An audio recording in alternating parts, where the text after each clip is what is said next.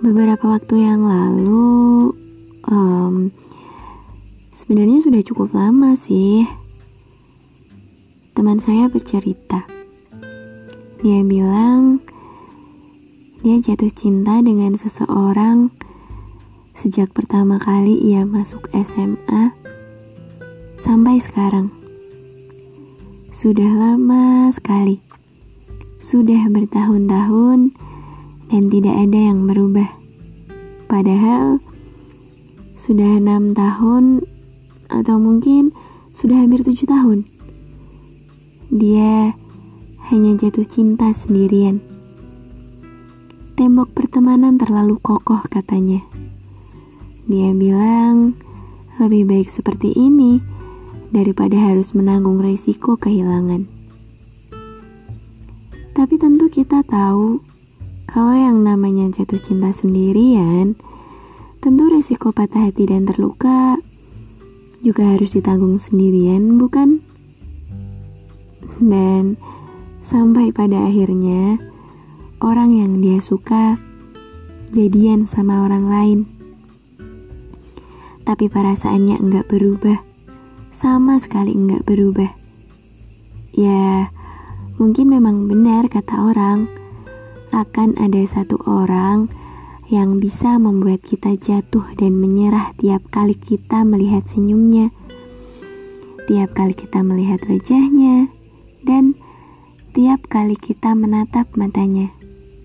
Seolah dunia sudah tidak lagi berporos pada bumi, tapi berporos pada sorot matanya.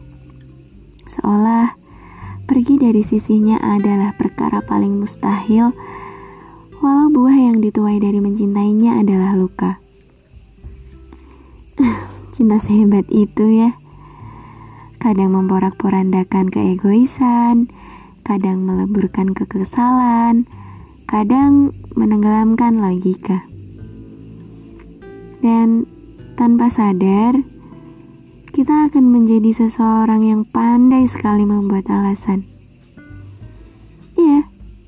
alasan untuk tutup telinga tiap kali logika berteriak membuka suara dan menyadarkan bahwa sebenarnya kita sudah terlalu banyak sekali menampung luka. Tapi lagi-lagi jatuh cinta memang enggak pernah mau tahu. Iya, seegois itu. Seegois itu sampai kita enggak peduli sama diri sendiri. Walaupun begitu, jatuh cinta kan nggak sama dengan rela. Enggak ada jatuh cinta yang mau diduakan. Dan enggak ada jatuh cinta yang mau ditinggal pergi sendirian.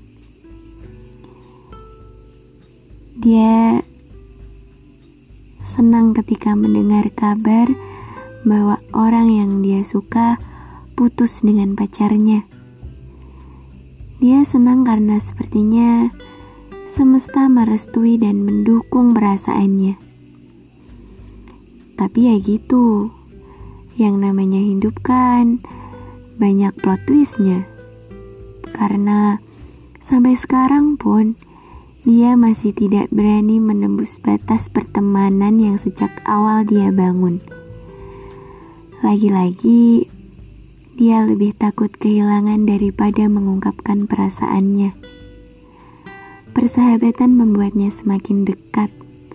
Itu cukup baginya. Walau jujur, dalam hati kecilnya, ia berharap perasaannya berbalas. Sampai ketika itu dia bilang, "Tapi sekarang aku sadar bahwa hidup bukan tentang apa yang ditebar." Begitu katanya. Iya, untuk ikhlas memang butuh hati yang benar-benar luas. Apalagi dalam hal mencintai seseorang. Lagi pula, kalau bukan dengan ikhlas dan rela, cinta sudah bukan lagi cinta namanya.